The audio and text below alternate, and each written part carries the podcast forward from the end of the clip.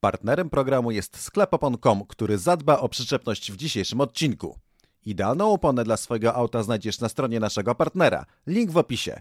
On jest odpowiedzialny za to, że się robi płaski nos mi, bo ilekroć widzę jakikolwiek jego wypowiedzi, to robię facepalma odruchowego i to jest dość mocny facepalm. Wtedy wiedzie Aldona i dokręci mu śruby. Dlaczego mi przypominasz? Wchodzę, zaczynam, zaczynam opowiadać o, o karierze Ceza, o tym jak się poznaliśmy, a tam nagle słyszę wielkie śmiechy, a to dlatego, że za moimi plecami ukazało się nasze zdjęcie właśnie z Energy Station.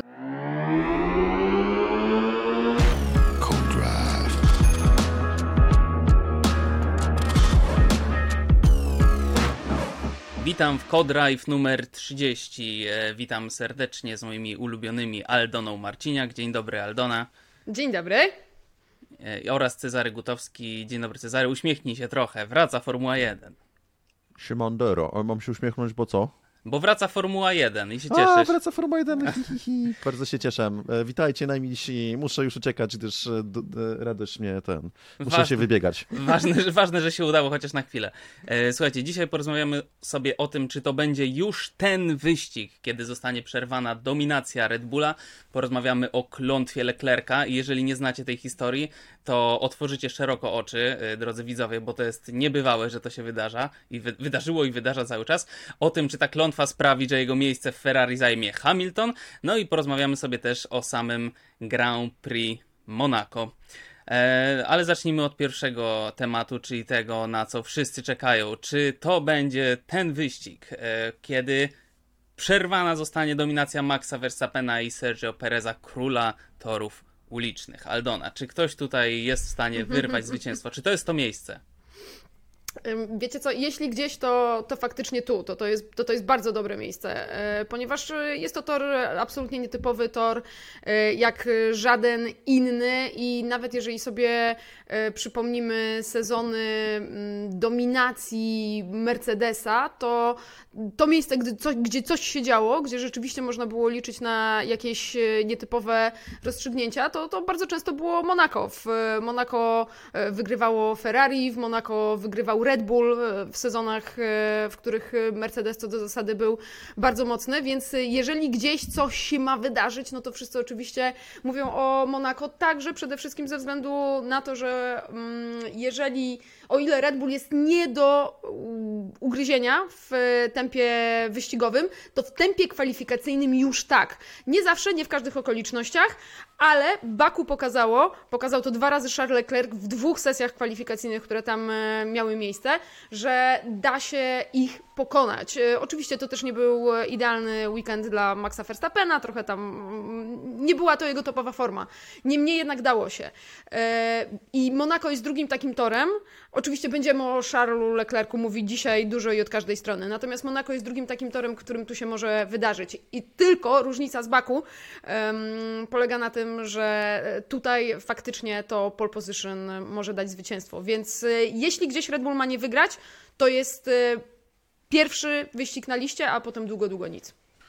Ja mam bardzo długą analizę, którą generalnie piszę na Sport.pl znowu, dlaczego, dlaczego to jest ten tor. To, co trzeba zaznaczyć, to jest pierwszy tor, na którym może, znaczy dominacja Red Bulla nie zostanie przełamana, ale na którym może wygrać nie Red Bull w czystej walce, czystą prędkością. I teraz rości sobie do tego prawo trochę e, Aston Martin i Fernando Alonso. Aston Martin dlatego, że uważają, że na torze, gdzie nie ma długich prostych, gdzie silniki nie są tak ważne, w Monte Carlo są najmniej ważne, to oni jakby zniwelują część straty jaką mają do Red Bulla. Do tego dochodzi ten element losowy, że w, no, jest to bardzo krótkie okrążenie, kierowcy walczą na bardzo małe różnice czasu, więc bardzo drobne błędy mogą oznaczać e, zmianę kolejności na starcie, czyli drobny błąd na okrążeniu kwalifikacyjnym, czy na przykład na, na, na trafienie na innego kierowcę z przodu, e, Monaco jest naj, najkrótszym torem, jest bardzo ciasno, e, może sprawić, że po prostu ktoś tam straci czas typu faworyt, nie wiem, jedną dziesiątą sekundy straci Verstappen czy Perez i już to może dać Alonso na, na tak krótkim okrążeniu po perfekcyjnym kółku pole position. Jak wystartujesz z pole position, to masz już połowę albo nawet dwie trzecie sukcesu. Potem pozostaje kwestia pit-stopu w odpowiednim momencie. Moim zdaniem największe szanse na zwycięstwo w równych, e, w takiej równej walce bez jakby tego elementu szczęścia ma jednak Ferrari. Dlaczego? Dlatego, że jak już Aldona powiedziała, Ferrari to jedyny bolid, który pokonał w kwalifikacjach fair and square e, Red Bulla. Dwa razy w Azerbejdżanie, najpierw w tym sprinterskim formacie, potem w, też, znaczy, nie, najpierw to były kwalifikacje do normalnego wyścigu, potem w sprinterskim formacie, więc mamy dwie kwalifikacje wygrane. Kiedy Leclerc jechał y, w Miami w kwalifikacjach też Fred Wasser twierdził, że miał szansę na pole position. Kolejny taki no, no, tor, na którym trochę inny tor uliczny, na którym e, Ferrari miało duże szanse. Monaco to tor, na którym nie zużywają się opony prawie w ogóle. A największym problemem Ferrari na dystansie wyścigu to jest właśnie zużywanie się e, opon. Silniki są mało obciążone, a Ferrari też miał jakieś problemy z awariami, natomiast skrzynie biegów, bo tam się bardzo często zmienia biegi.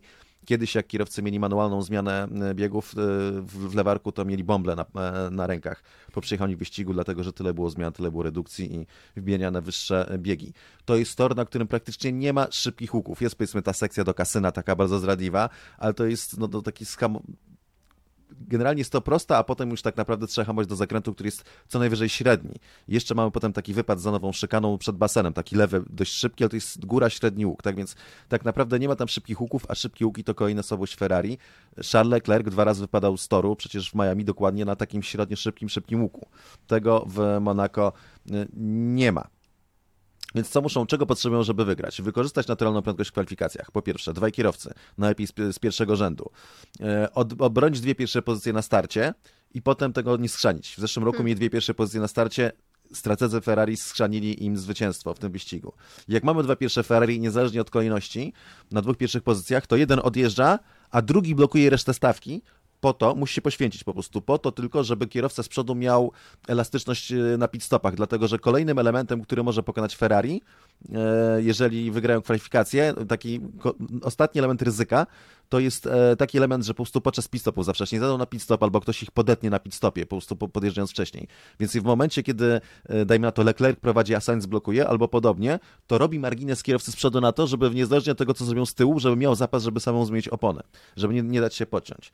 I to jest, no, to jest moim zdaniem najlepsza strategia, jeżeli będą przejść z pierwszego rzędu. Widzicie, mam to naprawdę dobrze rozkminione. Znaki i zapytania. Eee, pogoda? No, kwestia upgrade'ów. Ferrari nie wprowadza. Jeszcze po, po, tak, pogadamy. No pogoda to już w ogóle by, by, by nam pomieszała. Błędy Leclerca to jest znak zapytania, ich jest dużo.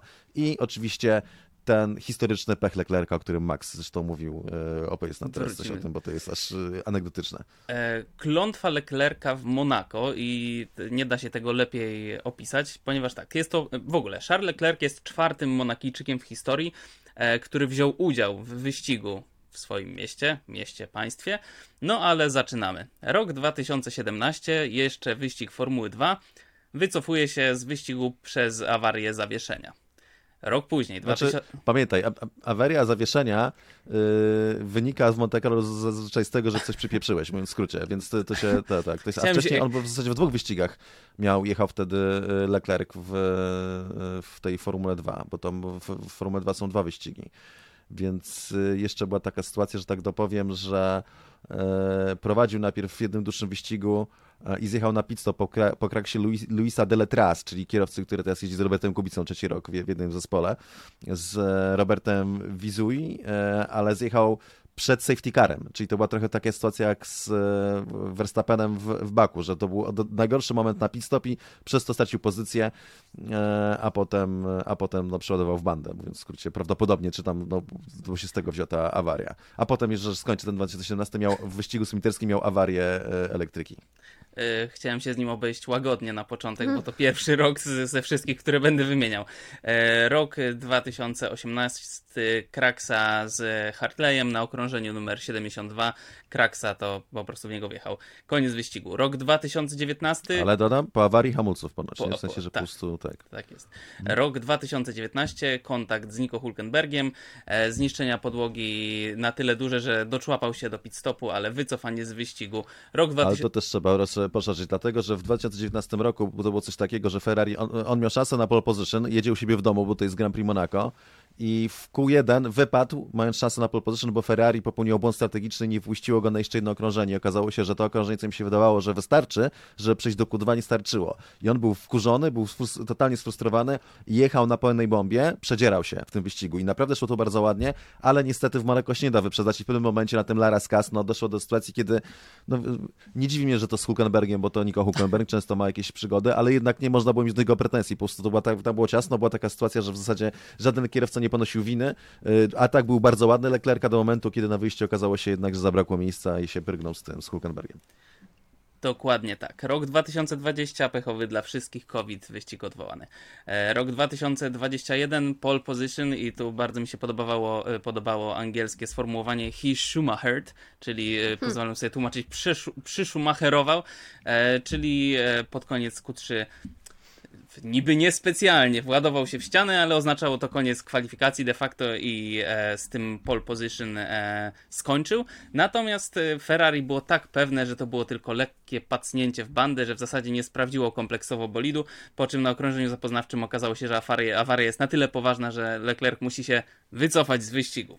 I E, tutaj Tak, to było wyjazdowe okrążenie z tego Wyjazdowe, co pamiętam tak, i tak, okazało tak. się, że Walna ma pół, pół oś, tylko Tak. że z drugiej strony. z drugiej strony, której nie sprawdzili, tak. No, genialne. Coś można dodać? e, Tak, chciałam tylko dodać, bo e, ja wtedy byłam z Elevenem i akurat e, start wyścigu oglądaliśmy z wody. Mieliśmy wejście z wody e, po to, żeby pokazać wszystkie jachty, więc no, my też na jednostce, e, jednostce pływającej. Ale jakby i... we wodzie czy na wodzie? Tak, w takich wielkich tych do, do, dla wędkarzy Kołach, tak? spodniach. Tak. Na wodzie, na wodzie, na wodzie. E, powiedzmy, że nasza jednostka pływająca była nieco mniej e, reprezentacyjna niż e, te pozostałe dookoła, ale była to jednostka pływająca po, po, po porcie w momencie startu. E, no i szykowaliśmy się tutaj. Charles Leclerc w końcu, zwycięstwo, Monaco, domowy wyścig i nagle na ucho, jak to nie jedzie? Jak to nie jedzie? Proszę Państwa, nie jedzie. Nie, nie, po prostu e, nie, wydawało nam się absolutnie niemożliwe, że można zrobić coś e, tak głupiego, żeby sprawdzić tylko e, część e, zawieszenia w momencie, w którym e, zawieszenie dostaje, żeby sprawdzić tylko po lewej stronie, nie, nie sprawdzić po prawej albo odwrotnie, już nie pamiętam jak to było. A jednak Ferrari było w stanie to Odwrotnie, zrobić. po prawej oni sprawdzali. Tak. Na, pe- na pewno się już nauczyli na przyszłość. Natomiast jedna rzecz jeszcze przy Schumacherowo powiedziałeś, to może wyjaśnimy, bo nie każdy pamięta, a te, albo nie każdy wie. W 2006 roku Michael Schumacher walczył o Mistrzostwo Świata z Fernando Alonso. Alonso jechał po drugi tytuł, Schumacher jechał po ósmy. I podczas kwalifikacji Grand Prix Monaco to było tak, że Schumacher przejechał po pierwszych przyjazdach w ostatnich kwalifikacjach e, miał prowizoryczne tak zwane pole position, potem kierowcy mieli poprawkę drugie okrążenia. I Schumacher jechał przed Alonso i tutaj niby, że niechcący, coś tam popełnił błąd w zakręcie Lara Skas i nie zmieścił się w zakręcie i przerwał sesję po prostu, co oznaczało, że Alonso nie mógł dokończyć okrążenia i Schumacher miał zachować pole position. Natomiast no, można wiele rzeczy udawać, ale no, Formuła 1 nie jest aż tak głupia i naiwna i to było no, totalnie widać, że, że, że po prostu, że specjalnie przerwał sesję i w związku z tym został ukarany. Była to taka dość też rysa na ale reputacji Schumachera, który po dziś dzień, teraz jak czytam szczególnie młodsi widzowie, którzy nigdy nie oglądali Schumachera, są często wyskakują z takimi tezami, nie wiem, być może żeby się popisać, że ja coś wiem, że ten Schumacher to był taki budz w ogóle, oszust i tak dalej, to jest, no szczerze, miał swoje słabsze momenty, ale to nie jest cały Michael Schumacher. Absolutnie większość Michaela Schumachera to jest wybitny kierowca i tak naprawdę wspaniały człowiek o dobrym sercu, który no, na torze no, miewał y, gorsze zachowania, ale generalnie nie był tylko taki. Ale słuchaj, robi się nam z tego, Taka, robi się nam z tego dygresja, ale faktycznie to chyba to, to jego zachowanie było wyrazem bezradności kompletnej e, w sezonie, który był jego ostatnim e, w Formule 1. E, Oczywiście potem wrócił, no ale na ten, na ten moment to był jego ostatni sezon. E, w- Walczy jeszcze z młodym nie wiedział, nie? Bo on na Alonso. Tak, tak. E, Walczył z młodym wilczkiem Fernando Alonso i z tego też e, robi się dyskusja, która wraca, ten temat wraca i wrócił też w tym sezonie. Co powinno się stać z kierowcą, który w kwalifikacjach e, przerywa sesję, wywołuje czerwoną flagę, sprawia, że te drugie przejazdy nie są możliwe.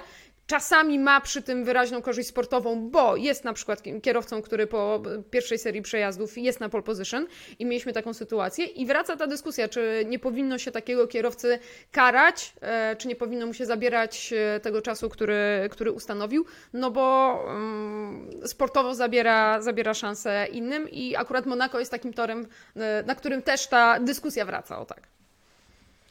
Charles Leclerc nie lubi tego, bo on lubi przewać kwalifikacje, jadąc y, kolejne okrążenie y, tak, na 110%. Natomiast, żeby jeszcze w takim razie skończyć i wprowadzić do 2022 roku, kiedy opowiedzieć o pechu y, Leclerca, to był pierwszy wyścig, który Leclerc skończył w domowym, y, Tak, na, tak. na domowym torze.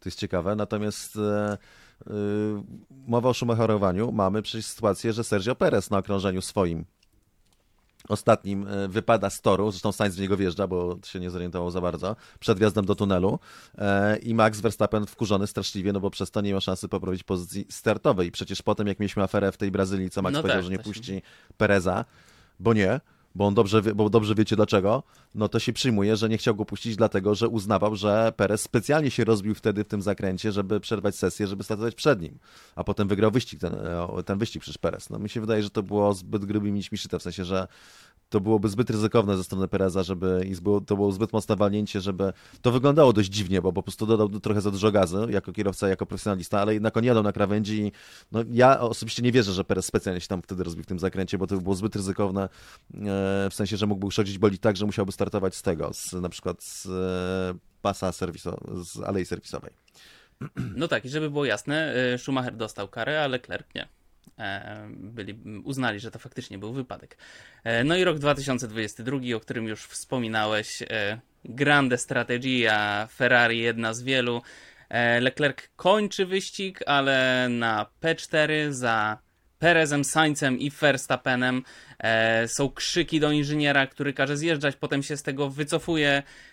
Jest bardzo nieprzyjemna atmosfera w Ferrari i no cóż, od tej pory naznaczamy, tam zaznaczyliśmy punkt, y, gdzie y, zaczęła się droga schodkami w dół. Ale to jeszcze nie wszystko, bo to nie, nie wystarczy, że on się rozbijał w wyścigach. Tydzień przed Grand Prix Monaco 2022 rozwalił historyczne Ferrari Nikiego Laudy z 1974 roku. Biedny bolid sobie leżał 50 lat, po czym wziął go po prostu e, Charles Leclerc i go wziął i rozbił w tym Monaco. Czy sądzicie, że...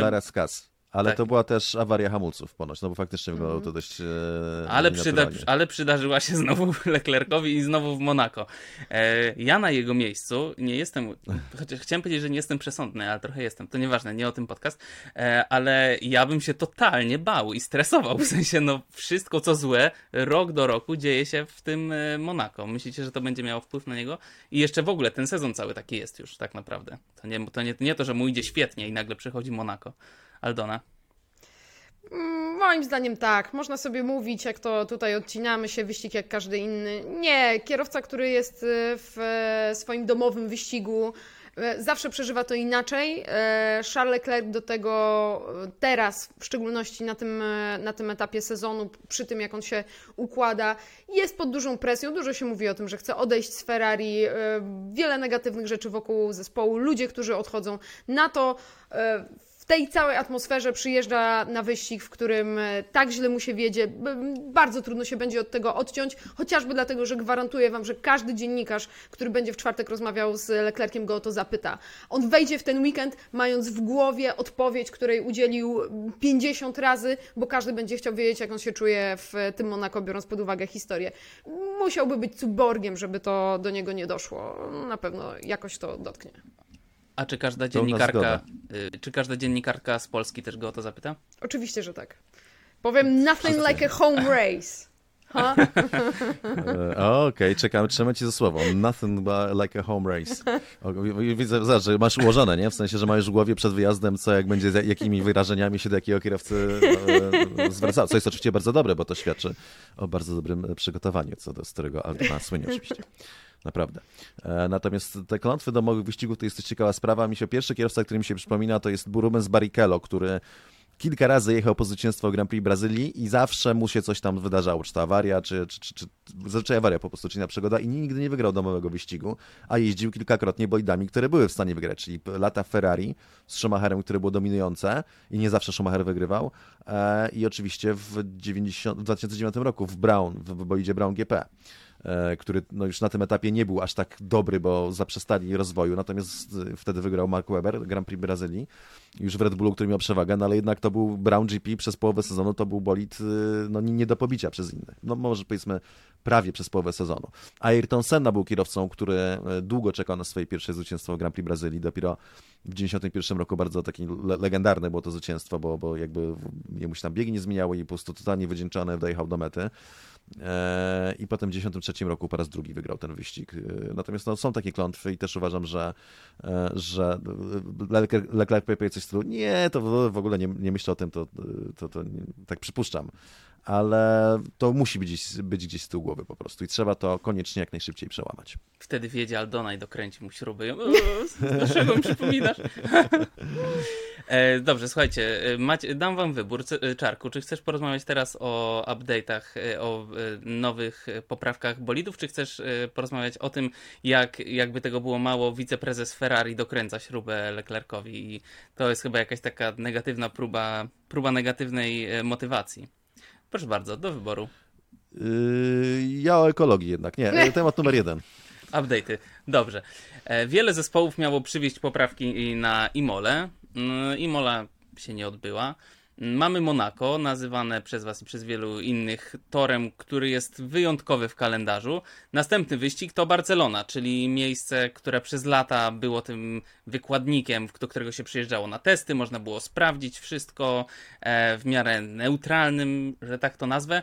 Czy lepiej przyjechać z poprawkami do Monako, zaryzykować rozbicie na przykład tych nowych części i czy poczekać do Hiszpanii i tam mieć jakieś bardziej, e, mieć jakieś bardziej wiarygodne i miarodajne przede wszystkim dane? Czarku, co uważasz? Ty byś przywiózł poprawki swojej Hondy? E, nie, nie. Ja bym, gdybym miał jechać e, w Monako w moją Hondą, to z całą pewnością jechałbym dokładnie tą konfiguracją, którą znam i to jest coś, co zrobi na przykład Ferrari, nie przywiezie poprawek, dlatego że i to jest najważniejsze. W Monte Carlo kluczowe jest, żeby kierowca jechał samochodem, który zna i żeby był w nim, pokazał w nim jak największą pewność. Akurat Ferrari jest takie nerwowe i zdradliwe, ale szybsze łuki, wyższe prędkości, większy wiatr. Natomiast y, no, przypuszczam, oni z tego co się mówi nie będą wkładali tych poważniejszych poprawek, zaczekają dopiero do Hiszpanii. Y, dlatego, że to nawet nie chodzi o to, że ryzyko części, chodzi o to, że Monaco jest totalnie niemiarodajnym torem. Jeżeli jest jakiś tor w kalendarzu, który się totalnie różni od wszystkich innych, najbardziej jak się da, to to jest Monaco. Nie ma innego toru, który się aż tak bardzo wycina, a tory się bardzo różnią e, między sobą, ale Monaco jest totalnie jeszcze włączone, co o tym świadczy. Chociażby to, że jest to jedyny wyścig, który może mieć e, długość poniżej 300 km. Dlatego, że zbyt dużo czasu by zajęło przejechanie jakby tych 300 km minimalnych, żeby, żeby się nie zmieścił w dwóch godzinach wyścig, więc oni jedą tam 270 km mniej więcej, jeśli dobrze pamiętam, zaraz to ty zresztą będziesz czytał.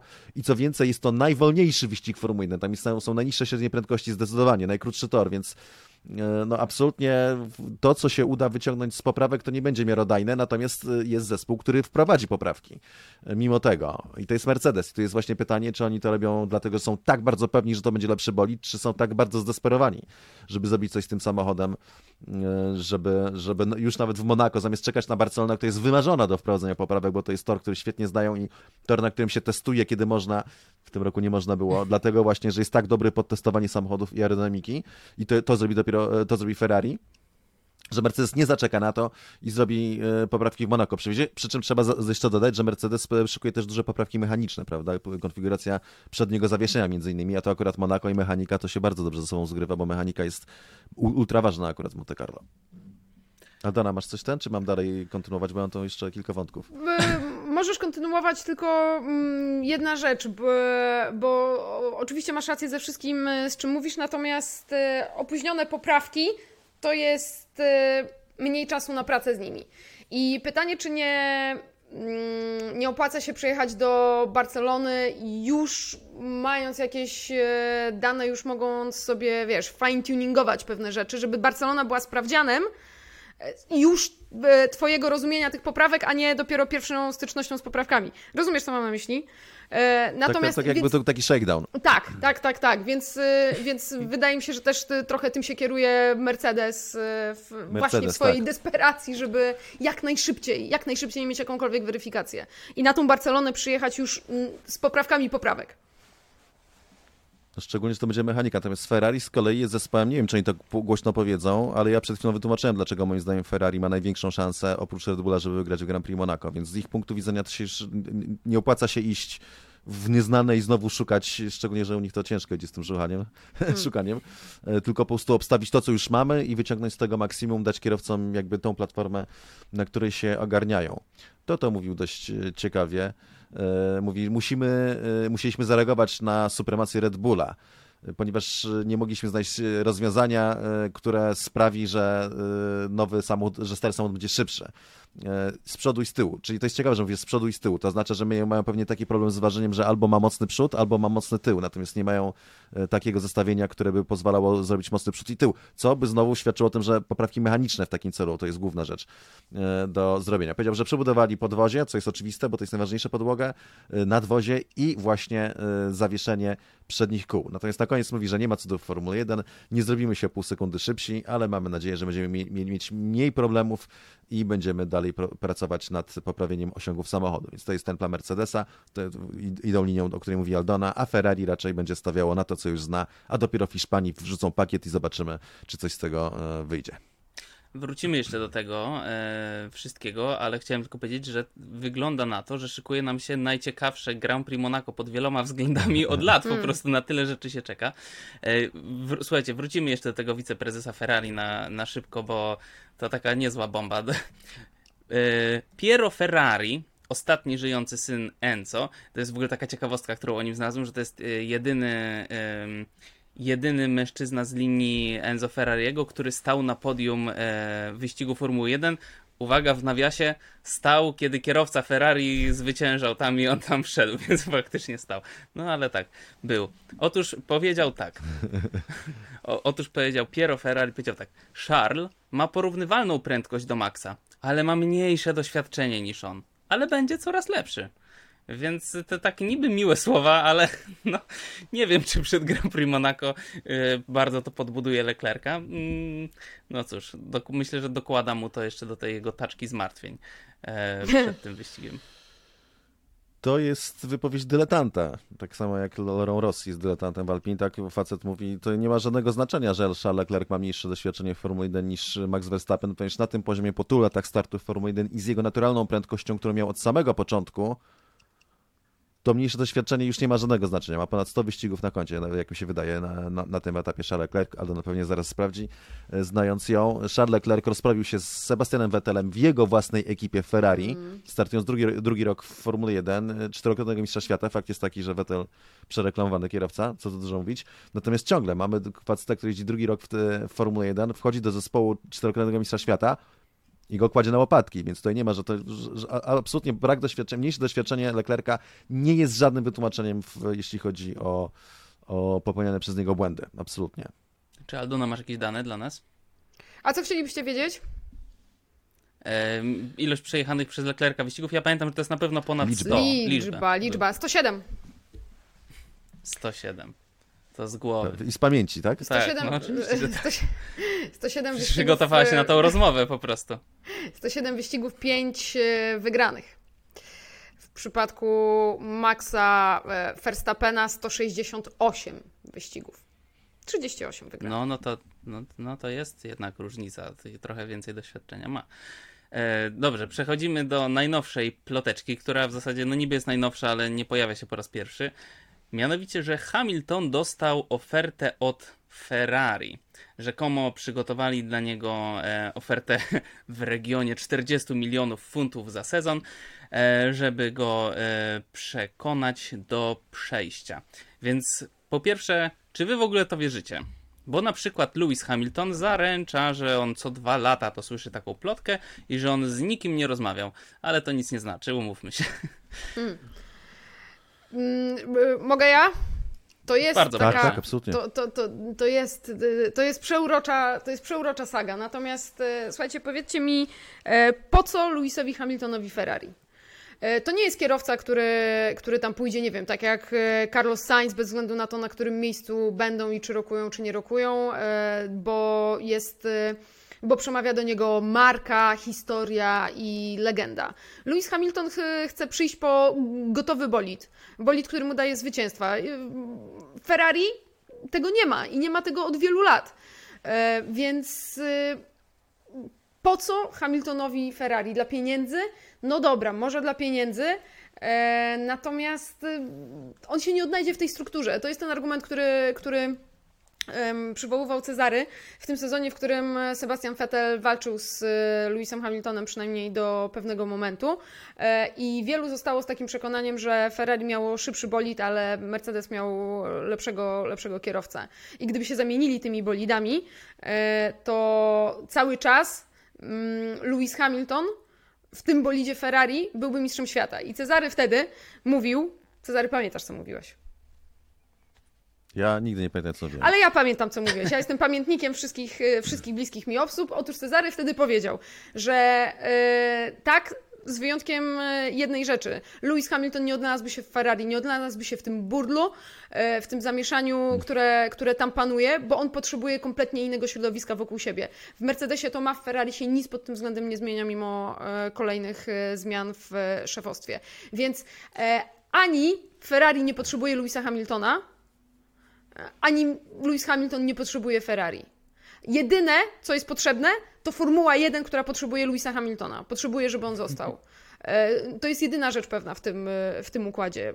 Poza tym jest to coś, co fantastycznie brzmi, tylko ja absolutnie nie wierzę, żeby Luisowi e, chciało się porzucić organizację, którą świetnie zna, z którą wygrał większość swoich tytułów, która dała mu dominujący bolid i która wie, jak pracuje, na rzecz e, organizacji, która nie da mu ani świętego spokoju, ani szybkiego bolidu.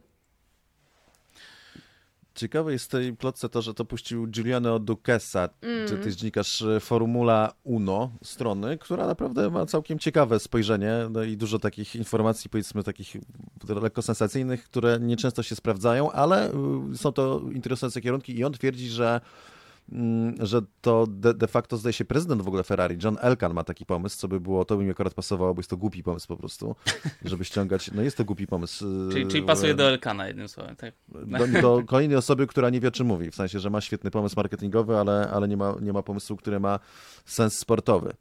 Eee, pytanie, po co, znaczy, po, po, co Hamilton miałby ryzykować? Jest w ekipie, w której ma dziedzictwo, w której tak z Mercedesem cały czas się chwali, startuje 14 roku życia, niekoniecznie w Formule 1 oczywiście, bo był wcześniej kategorii juniorskiej, ale jednak no, jest z nim powiązany. Hamilton, który chce być ambasadorem Mercedesa, z tego co się mówi, przez 10 lat i zgarnie 30 milionów dolarów za tę ambasadorkę rocznie w ramach przedłużenia kontraktu.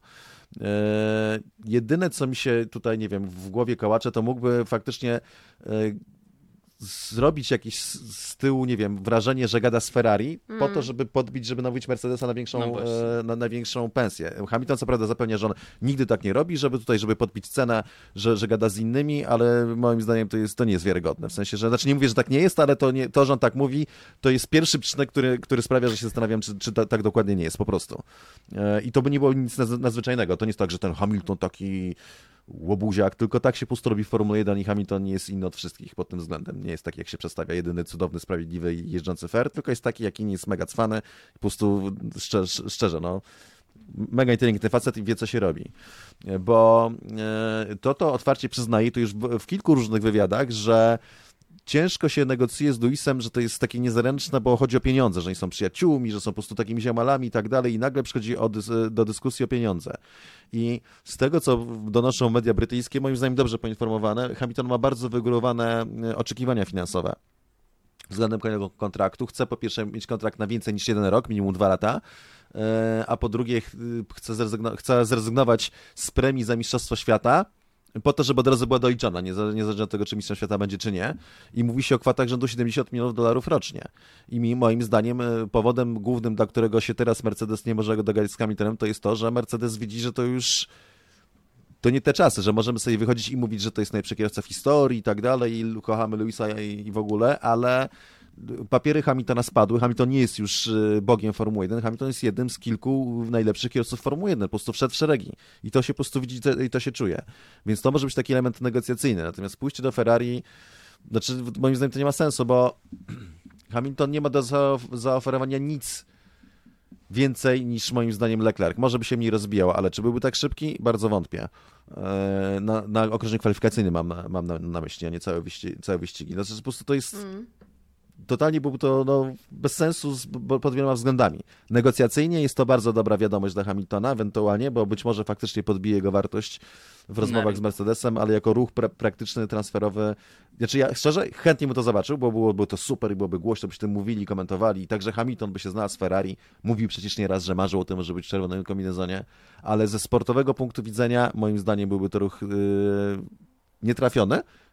Aczkolwiek dodam, że absolutna większość komentatorów ze mną na czele twierdziła, że przejście Hamiltona z McLarena do Mercedesa nie ma sensu. Tymczasem po przejściu do Mercedesa zdobył sześć tytułów mistrza świata. E, te, ale za kogo byście go widzieli w tym Ferrari? Bo to może nie jest aż takie oczywiste, bo ten sam Giuliano Ducessa, o którym już wspominałeś, yy, twierdzi, że rozpoczęły się rozmowy na temat przedłużenia kontraktu Leclerca. Kto by nie chciał tego zobaczyć? Leclerc i Hamilton w jednym zespole. Oh my god. Ja bym Lewis chciał. Hamilton. Co by Lewis się tam Hamilton działo? by nie chciał. No, no dobra, ale on teraz nie ma głosu. My decydujemy za kogo. A Lu- Luis po prostu idzie. Pieniądze się znajdą. Cezary, czy to takie oczywiste, żebyś wymienił lidera na lidera, czy... Znaczy, moim zdaniem, gdyby Hamilton szedł do Ferrari, to naturalnym ruchem Ferrari byłoby ściągnięcie na, na to miejsce Leclerca. Mm, Chociaż Mercedesa. mają Darsela jako... Do Mercedesa, tak, Leclerca. To, było, to był bardzo fajny taki swap, natomiast no, z punktu widzenia Ferrari raczej mimo wszystko lepiej by było pożegnać Carlosa Sainza. I teraz y, nie chodzi o to, żeby Sainz jakoś był fatalny czy robił złą robotę, bo przeciwnie, naprawdę moim zdaniem spis- spisuje się naprawdę dobrze, ale Sainz to nie jest kierowca jakby z, no, z najwyższej półki i nie jest chyba tak dobry, jak byłby Bottas na przykład w, tej, w, tej, w tym drugim fotelu. Moim zdaniem to jest dysku, dyskusja akademicka i są już wieści, że ponoć Ferrari już tam zapewniało i Leclerca i Sainza na razie, że będzie lepiej w ogóle e, i że i ponoć już otwierają e, drogę do negocjacji przedłużenia kontraktu z Leclerciem, którego kontrakt się kończy w 2024 roku. Tak jest. Słuchajcie, w ogóle powinni wyrzucić Leclerca i Sainza i sprawić Hamiltona i Bottasa. I Nie, powinni... Magnusena i e, Grożona. Schumachera to to by im wcisnął jeszcze. Na O, przykład. tak, tak, tak, tak. Schumacher akademii Ferrari. Ferrari. Idealnie. Tak, tak, tak, Wszystko tak. się składa. Ty Dobra, to mamy masz to łeb. nagrane. E, No, a słuchajcie, jeszcze, jeszcze jedna rzecz, bo mm, tak jak mówimy o tym, że Hamilton nic by nie mógł dać Ferrari i żeby się nie odnalazł w tym Ferrari, bo tam jest za wielki burdello, e, to no, o niektórych kierowcach się tak mówi, że jak wchodzą, to sama ich obecność w tym zespole już wnosi ten zespół na wyższy poziom. Tak, na przykład o Alonso się tak mówi, tak się mówi o Robercie Kubicy.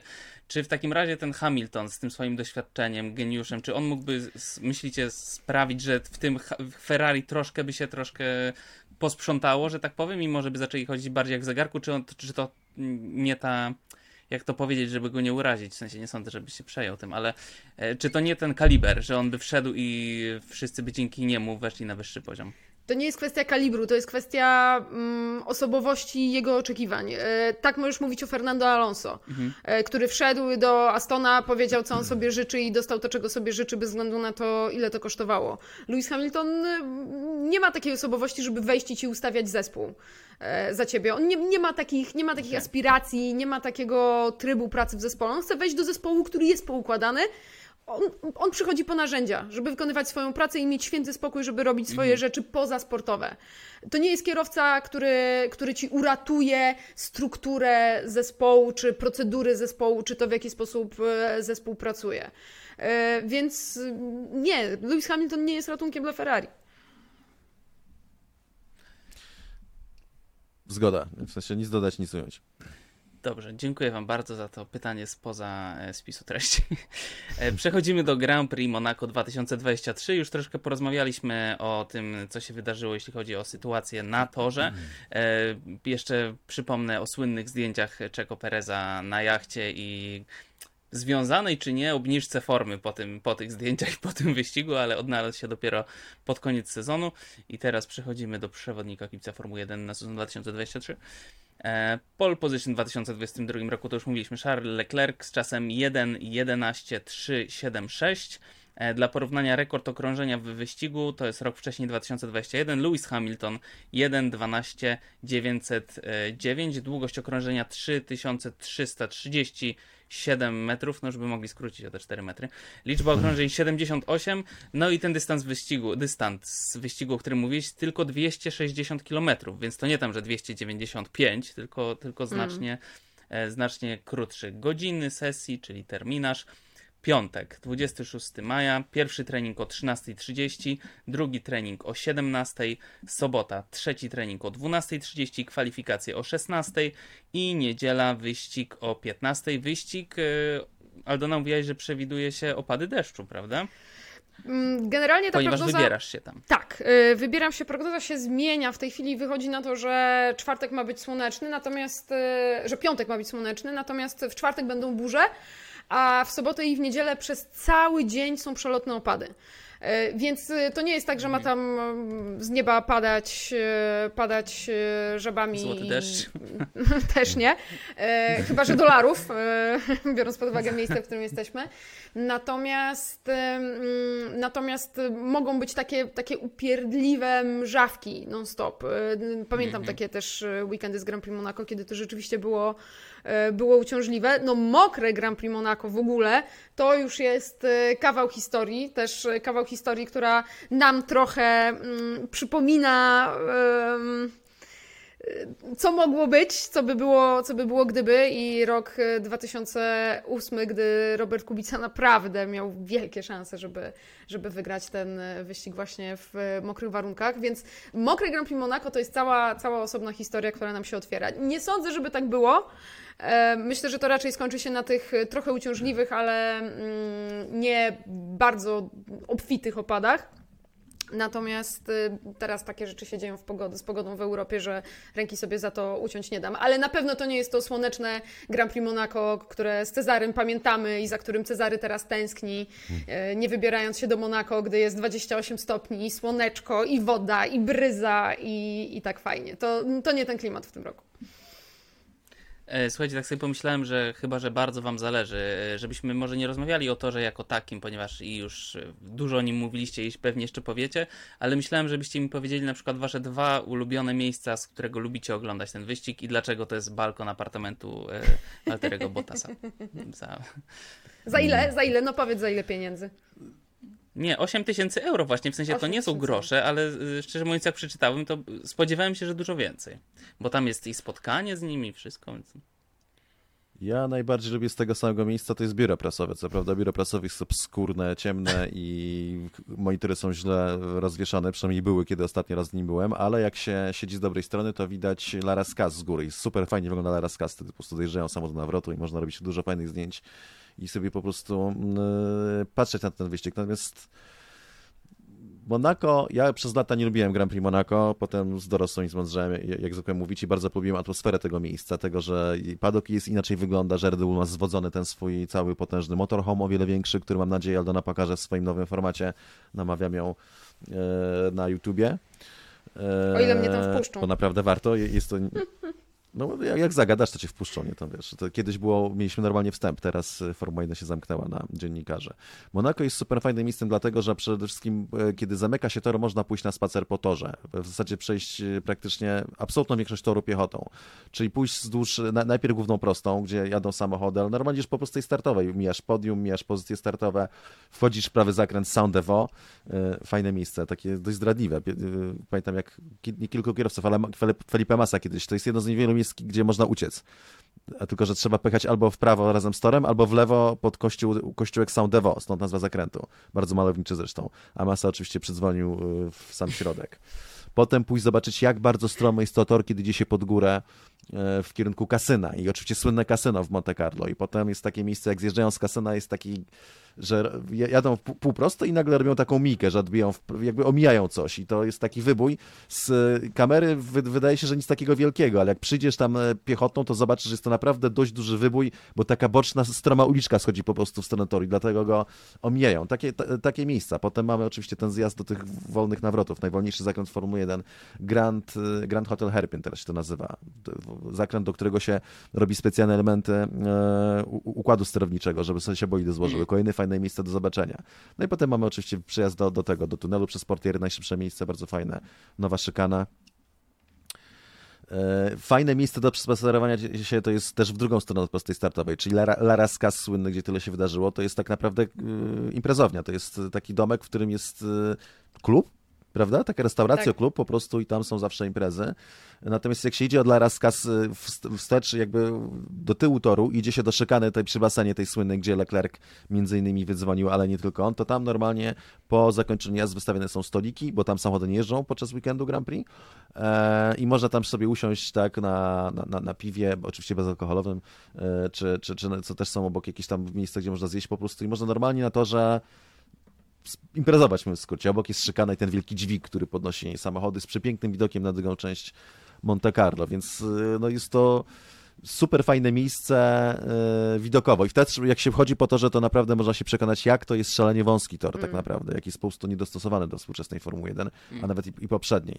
Tego też w telewizji za bardzo y, nie widać. Natomiast oczywiście najlepsze imprezy ponoć są na tym, tam gdzie będzie Aldona z, z kolegami z, Via- z Viaplaya, jak rozumiem, czy gdzie była z Elevenem, czyli na wodzie. Bo Pamiętasz jak wtedy, jak, o, z ciekawych e, historii z Monte Carlo, bo tam, prawda, osoby majętne, szczególnie z Formuły 1, ch- lubią pokazać, kto ma większego, jachta. E, I przez lata Flavio Briatore parkował swoim, e, jak się nazywał, coś tam z Blue. e, Nie pamiętam. coś z niebieskim, taki, Tak, tak, tak, tak. taki ciemno-niebieski jacht, bardzo ładny, żeśmy go nawet zwiedzali, bo tam było, mo, można było się na, na niego dostać. Tam, no wiadomo, u musiało być dobra impreza, Force myśmy Blue. byli tak bardziej po prostu, żeby go zobaczyć. Force Blue, dokładnie, Force Blue. E, a potem do Formuły 1 wszedł, teraz ma duże problemy, ale wtedy no taki bardzo ten, bogaty e, e, hinduski miliarder Widziamalia się nazywał. I nagle zaczął przywozić swój jacht, który się nazywał chyba Indian Impress, Princess, coś takiego. No i nagle jakby się okazało, że ten wielki jacht Briatorego to tak naprawdę jest trochę pyrdek w porównaniu z tym, czym przypłynął. Zaparkować w, w jachcie in, y, Hindusa, no tak. Tak, Widziamalia. To są oczywiście, Kimi Räikkönen nie ma żadnych kompleksów, jego jacht był o wiele mniejszy, natomiast no, słynna scena jest jego między innymi jak ten, jak y, z powodu choroby morskiej w porcie leci głową w dół, y, prawda, jak to Kimi. Indian Empress. Bardzo, no. Indian. Empress, o, tak, tak, czyli imperatorowa Indii. Co tam jeszcze ciekawych rzeczy się działo, Oldi? E, wiesz co, ja teraz y, wspominam, bo przypomniałeś mi o jachtach. E, swoją drogą byliśmy kiedyś na, przy okazji Grand Prix Monaco na takim super jachcie projektowanym przez Porsche. E, bardzo fajnie to wyglądało. A, tak, tak. E, naprawdę już z kategorii, z kategorii super jachtów i wszędzie nawiązania do Porsche jako marki e, samochodów oczywiście, łącznie, nie wiem, z wykładzinami, które były jak tapicerki i tak dalej, i tak dalej. Natomiast, żeby w ogóle w, w Monako zaparkować podczas weekendu, musisz aplikować wiele miesięcy wcześniej i tam się zbiera specjalna rada portowa, która sprawdza, czy ty w ogóle jesteś godny tego, żeby podczas weekendu Grand Prix móc zaparkować swój jacht i e, nieraz... Zacumować. Zacumować. I nie raz, nie dwa, to jak tu się nie parkuje, jak to? Chyba, że w Miami. W Miami się parkuje. Chyba, że wpływasz na... A tak. Chyba, że wpływasz na ląd od razu. E, Ale e, przypominam też sobie, e, jak tam byliśmy, wtedy nie było pogody, który to był, e, 2019 to musiał być, kiedy nagrywałeś F1 vloga z, z, siedząc na, przy lekcji jogi, siedząc na takich blokach betonowych, Betonowy z schodzących do, tak. tak, do, do, do nabrzeża, że tam na zewnątrz był jacht jakiegoś arabskiego księcia, którego nie wpuścili.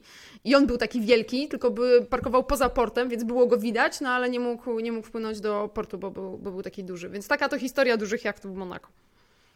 Tak, to jest jeszcze ciekawe. Kiedyś, do niedawna jeszcze był to wyjątkowy weekend ze względu na układ, y, bo w czwartki Mhm. były treningi, w piątek był dzień wolny i to było super, moim zdaniem. Strasznie szkoda, że no ale to już pieniądze zdecydowały, że skrócono ten format weekendu, że takie jest tak jak wszędzie, czyli piątek, sobota, niedziela treningi, bo ten to było wyjątkowe, że w czwartek były treningi, a w piątek jeździły inne kategorie, tylko trochę, a tak to człowiek miał po prostu trochę luźniejszy dzień i mógł się trochę porozkoszować tym, że, że jest na Formuły 1 i, i zamiast zapieprzać za przeproszeniem od, od świtu do wieczora, tam wypadając gdzieś, żeby coś zjeść w trakcie, mógł po prostu e, pójść do Red Bulla e, i ten zamówić sobie czy tam kieliszek wina, czy aperola, e, zakąsić to jakąś do, dobrą pastą i cieszyć się słońcem i towarzystwem ludzi, z którymi nie, miałoby, nie byłoby czasu opowiadać o takich rzeczach, o których się gada wtedy tego jednego dnia, jak to Aldona wspominała z, z Rogerem Benoit, tak, czyli no, słynnym, słynnym no, czyli no, znanym w padoku bardzo szwajcarskim dziennikarzem, który, który no, pamięta czasy,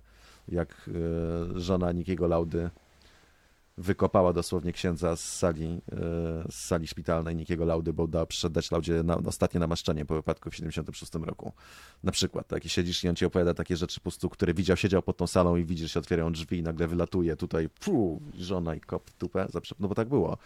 E, i wyrzuca go, bo, bo, bo śmiał przyjść do Nikiego Laudy i go żegnać już z tego świata. E, chciałam powiedzieć no. jeszcze dwie rzeczy. Cezary, może się e, podzielisz kompromitującym zdjęciem, którym uraczyłeś mnie na swoim 25-leciu.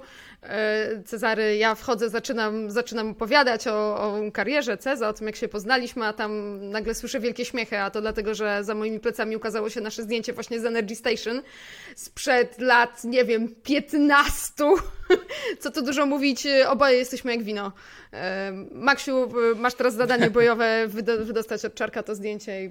Nie pokażę nie. go. To było tylko na. To, to tylko jest tylko prywatnie, taki, taki, to się na to się mówi fashion misfit. E, to raz, a ja nie jestem jakiś szczególnie modny, a ty, więc to już naprawdę musiało źle wyglądać. E, jeszcze ta tak. fryzura nie taka tutaj, tak, ten, tak, jeszcze było mnie powiedzmy z 10 kg więcej, więc no nie jest to zdjęcie, którym chcę się za bardzo e, chwalić, bardziej niż ponad spotkania z, z patronami.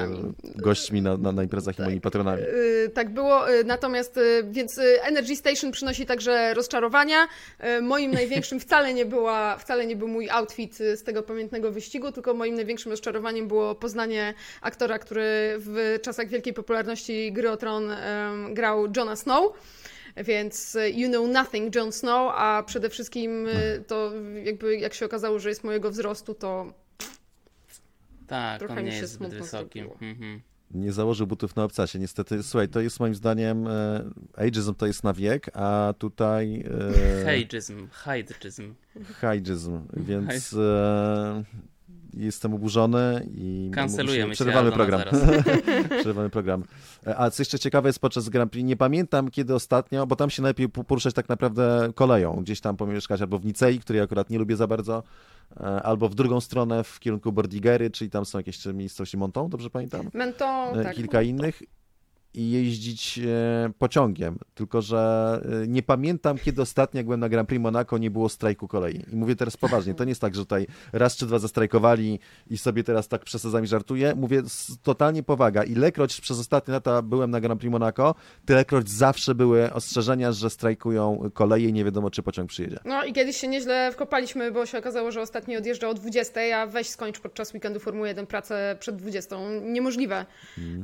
No i nie było jak wrócić wrócić, było, było ten. Było problem. a je, jeżdżą Ubery w Monako, czy są zakazane na przykład? Bo to brzmi jak coś, co Monako mogłoby zrobić, zakazać Uberów, ale... W Lamborghini. Nie Uberem w Monako, więc szczerze. Ale Ferrari jeździłeś. Dlaczego nie? A, no to właśnie. Jeździłem tam Ferrari. Jakie... No słuchajcie, jednym słowem, znaczy nie jednym, tylko wieloma słowami, zawsze jeśli chodzi o Monako najbardziej czekałem na zdjęcie kierowcy skaczącego do basenu, a tym razem szykuje się naprawdę ciekawy wyścig. Nie wiem, czy wyścig będzie nie ciekawy, ale... Teraz. Dlatego, że do basenu skaczą wyłącznie kierowcy Red Bulla, jak wygrają. A, bo Red Bull ma basen. Faktycznie. Więc teraz od, chcemy, żeby tak. Macie rację. Żeby skakali do zatoki, co najwyżej. No, ale, nie polecam. Kurczę. E, no ale podium w takim razie. Mm, ja zacznę. E, A czekaj, jeszcze nie.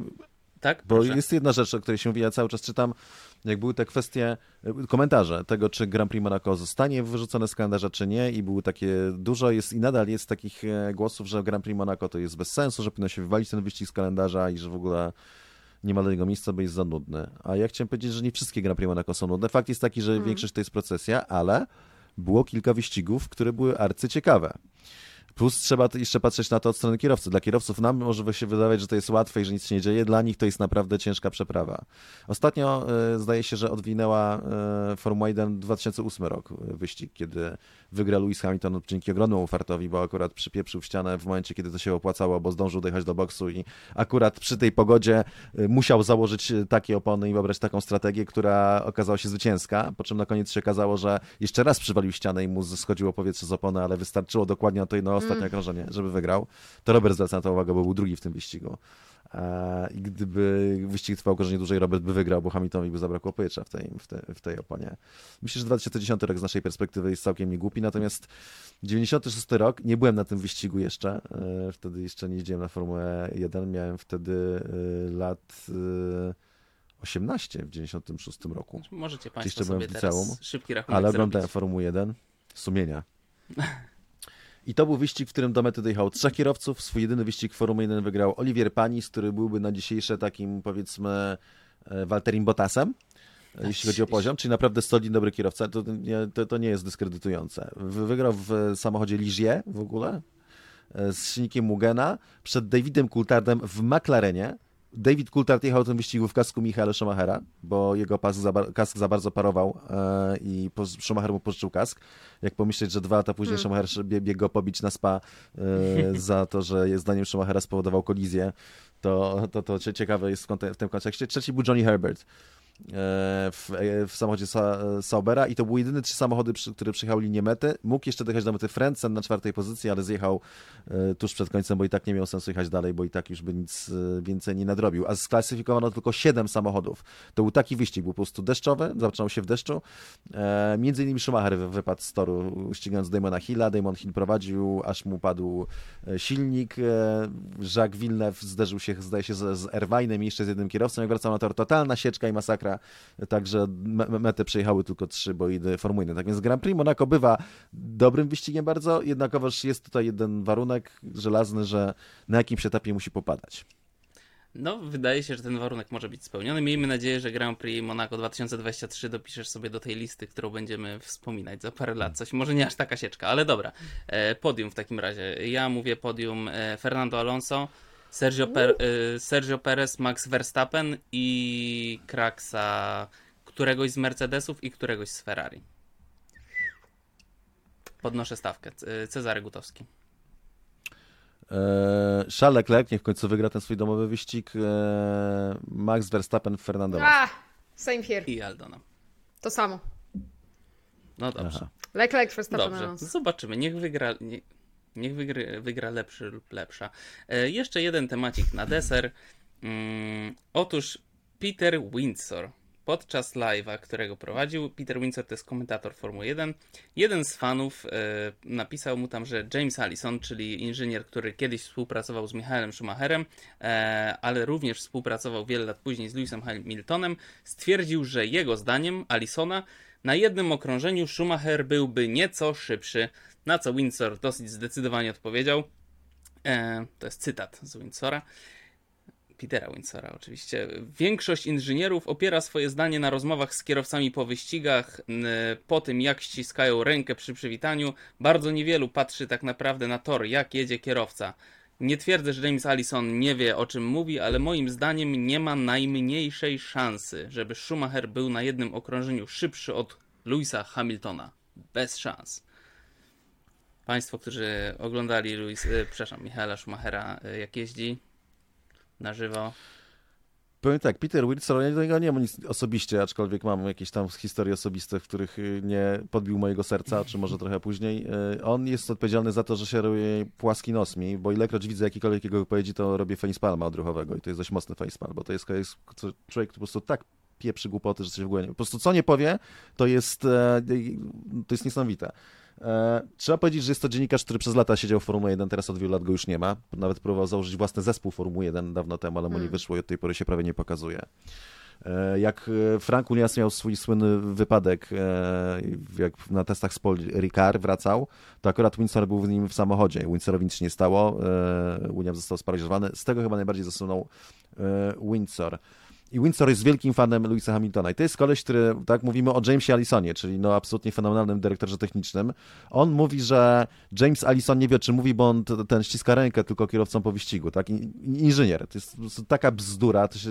Ale to, co jest najfajniejsze z Windsora generalnie, to, co, z czego żeśmy się ryli od dawna, kiedy, pamiętam jak wchodziliśmy, zaczęliśmy jeździć na Formułę 1 regularnie y, z Mikołajem Sokołem, bo to mówiliśmy taką dwójką. I pamiętam, że mieli z tego polewkę regularnie, jak on miał taki, bo on świetnie pisze, ma świetne pióro, bardzo kolorowo opowiada, to jest jego duża siła. Jak on robił swoje analizy, jak kierowcy jeżdżą. I to się tak, to była taka fantazja. On o tym mówi, że on tu się podkreśla swoją, e, e swoją eksperckość człowieka, który stoi przy torze i mówi, jakim stylem jeździ jaki kierowca. On to robił dużo. On to pięknie pisał, to były takie bzdury po prostu, to się tak nie kleiło. Totalnie nic nie wiedział, po prostu wymyślał sobie rzeczy. Jedną z rzeczy, którą wymyślił, to to, że obserwując jak jeździ Robert Kubica, że widać, że Robert Kubica is natural oversteer driver, że tak świetnie odnajduje w, na sterowności. Robert Kubica to jest wybitny kierowca, który z całą pewnością radził sobie z bolidem o każdej charakterystyce, ale to, co go bardzo wyróżniało pośród, wszystkich kierowców, łącznie z Fernando Alonso, bo dwóch ich było, Roberta i, i, i Alonso, to było to, że świetnie się znajdowali w samochodach podsterownych i woleli auto podsterowne na przykład. Nie? No tutaj e, Windsor Natural Oversteer, Oversteer Driver. Inna historia z Windsorem to jest taka, jest oczywiście najmądrzejszy z całej wsi, bardziej niż ja, z całą pewnością. I pamiętam, jak wracaliśmy z Grand Prix Japonii, z Suzuki jechaliśmy do Nagoi. E, po prostu stojąc w pociągu, akurat był on, jechaliśmy z Mikołajem, bo razem jeździliśmy wtedy na wyścigi. E, jeszcze był ktoś i on zaczął opowiadać, jak on, jak on zaczął opowiadać i mówić swoje teorie, to po prostu nie podejdziesz, nie? W sensie nie masz szans wypowiedzieć swojej własnej myśli kontry, bo to po prostu nawet, y, on, tego nawet nie zauważał, nie? Po prostu cała Formuła 1 to była po prostu historia tego, jak on ją widzi i pokazuje. E, w czym jest duża siła? Jest taki jeden były komentator na przykład z, języka polskiego, który, nie będę miał nazwiska, który zrobił dużą karierę na swojej ogromnej pewności siebie, że wie o czym mówi, podczas gdy w większości przypadków nie wiedział o czym mówi, ale to już jest inna sprawa, więc to jest ogromna siła, natomiast jak już wiesz, siedzisz i czytasz te kolejne wypowiedzi Windsora, to po prostu jeszcze o tym, jak to on widzi lepiej, mm. wie lepiej od Alisona, jak który kierowca jeździ, to po prostu po raz kolejny mój nos robi się płaski. No, wiecie co, właśnie w, w, w tym wszystkim, tak, y, dwa słowa. E, on wcale nie musi nie mieć racji. To znaczy, mm, oczywiście to jest całe, cały rozdział e, porównywania kierowców e, między epokami. Nie da się tego zrobić, nie do zrobienia, tylko i wyłącznie z racji tego, że to jest inna epoka. Prawdopodobnie Lewis Hamilton byłby szybszy od Michaela Schumachera, bo siłą rzeczy byłby lepiej przygotowany bo inną tak, drogę z tego przeszedł. pokolenia lepszego. Bo, dokładnie, bo, bo, to, jest kwestia, to jest kwestia zmiany generacji, po prostu rozwoju sportu, całego sportu. Um, aczkolwiek też bym sobie pewnie ręki za to nie dała uciąć. Może palec. E, czy chodzi o to, że, Natomiast... że, że ten, że w, w, chodzi ci o to, że. Hmm? Mm. Przepraszam, bo się tak wtrąciłem. A, a nie, nie, znaczy y, chodzi mi o to, że, że, że jakby po pierwsze dyskusja nie ma, nie ma, trochę nie ma sensu, bo, bo Lewis Hamilton siłą rzeczy z racji zmiany pokoleniowej byłby lepszym y, kierowcą pewnie niż y, Michael Schumacher.